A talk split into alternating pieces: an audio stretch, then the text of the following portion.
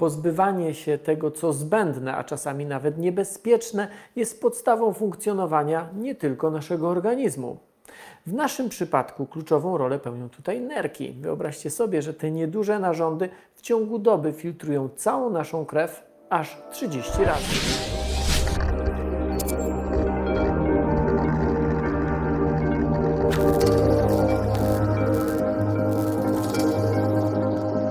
Gdy szukamy życia we wszechświecie, najpierw rozglądamy się za wodą.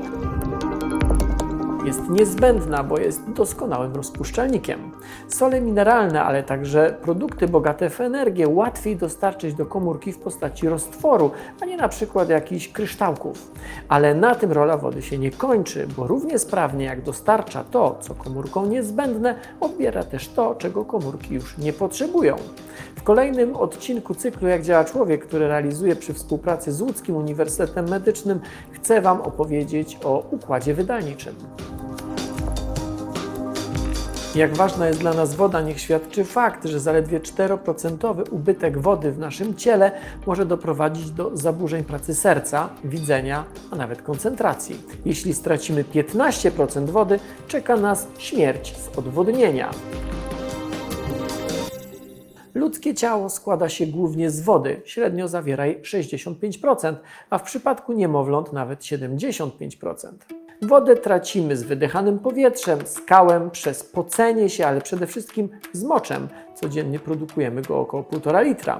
I tutaj może się pojawiać pytanie, skoro woda jest tak ważna, po co aż tak dużo jej wydalamy?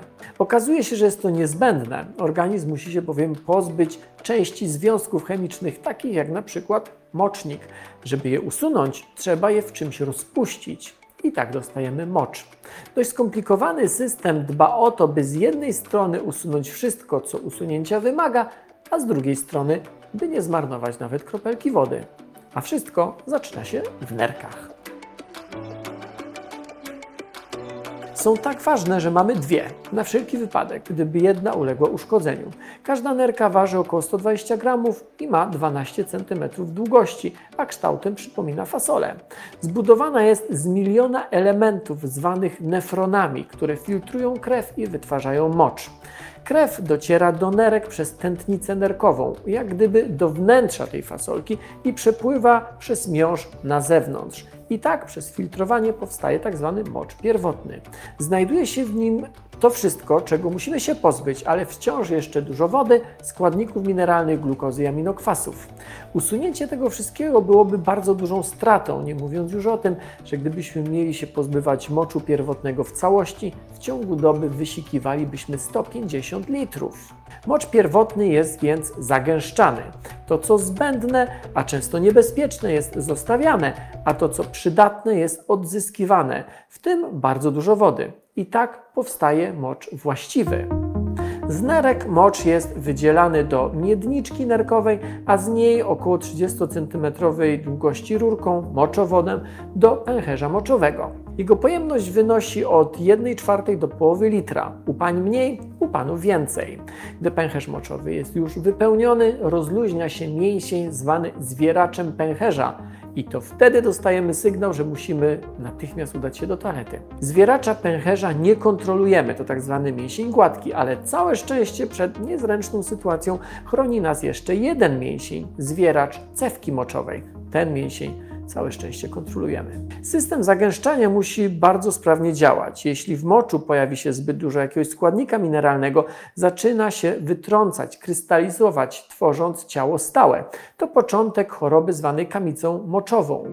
Złogi, czyli tak zwane kamienie, mogą pojawiać się w miedniczkach nerkowych, w moczowodach lub w pęcherzu. Niektóre są mniejsze od ziarenka piasku, inne mogą osiągnąć nawet rozmiar piłeczki do ping-ponga. Kamień może zatrzymywać odpływ moczu z nerki i uszkadzać ścianę moczowodu lub cewki moczowej. Pacjent czuje wówczas bardzo silny ból. Układ moczowy mężczyzn i kobiet różnią się. Mężczyźni mają długą cewkę moczową mierzącą 20 cm, choć wartość to jest wartość średnia, bo niektórzy mają dłuższą, a inni krótszą. To ma jednak swoje wady. Gdy trzeba wydalić kamień moczowy, mężczyźni cierpią znacznie bardziej niż kobiety. Panie mają cewkę o długości 4 cm, ale i to nie zawsze jest zaleta. Przez krótką cewkę do pęcherza mogą łatwiej dostać się bakterie wywołujące stany zapalne. Wyłapywaniem czy pozbywaniem się substancji niepotrzebnych zajmują się nie tylko nerki. Oddychając na przykład usuwamy z organizmu dwutlenek węgla, który powstał w naszych komórkach podczas produkcji energii. Z kolei do układu pokarmowego trafiają resztki czerwonych krwinek. Sam układ pokarmowy jest odpowiedzialny nie tylko za dostarczanie produktów żywnościowych ich strawienie, ale także za pozbycie się tego, z czego nie będzie już żadnego pożytku. Nasz organizm bardzo dobrze radzi sobie z usuwaniem tego, czego nie potrzebuje. Dlatego wszelkie sposoby na tak zwany detoks, które możecie znaleźć w internecie, są z reguły zwykłym oszustwem. Dotyczy to na przykład wszystkich środków, czy czasami nawet urządzeń oferowanych przez hochsztaplerów i naciągaczy. Ostatnio gdzieś mi się przewinęła reklama detoksykacyjnych plastrów. Nie znaczy to jednak, że nie warto zwracać uwagi na oczyszczanie organizmu. Przeciwnie, należy to robić na przykład dbając o zrównoważoną, urozmaiconą dietę, bogatą w świeże warzywa, owoce i produkty pełnoziarniste. Trzeba też codziennie nawadniać się, najlepiej czystą wodą. I to wystarczy, by nasze ciało pozbyło się niepotrzebnych substancji. I jeszcze jedno. Choroby takie jak cukrzyca, nadciśnienie czy zapalenia nerek mogą być źródłem poważnych problemów z układem wydalniczym. Najpierw uszkodzeniu mogą ulec kłębuszki nerkowe, które po prostu przestaną filtrować osocze krwi. Zanim się zorientujemy, często już jest za późno. W zdrowych nerkach pracuje tylko część nefronów, a reszta jest czymś w rodzaju rezerwy. Zwykle orientujemy się, że coś jest nie tak, gdy już skład rezerwowy jest mocno nadwyrężony, a całkowita niewydolność nerek już jest za rogiem. Do moczu zaczynają przenikać białka osocza.